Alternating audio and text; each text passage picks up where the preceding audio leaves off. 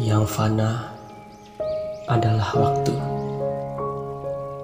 Kita abadi. Memungut detik demi detik, merangkainya seperti bunga. Sampai pada suatu hari, kita lupa untuk apa. Tapi, yang fana adalah waktu, bukan? Tanyamu, kita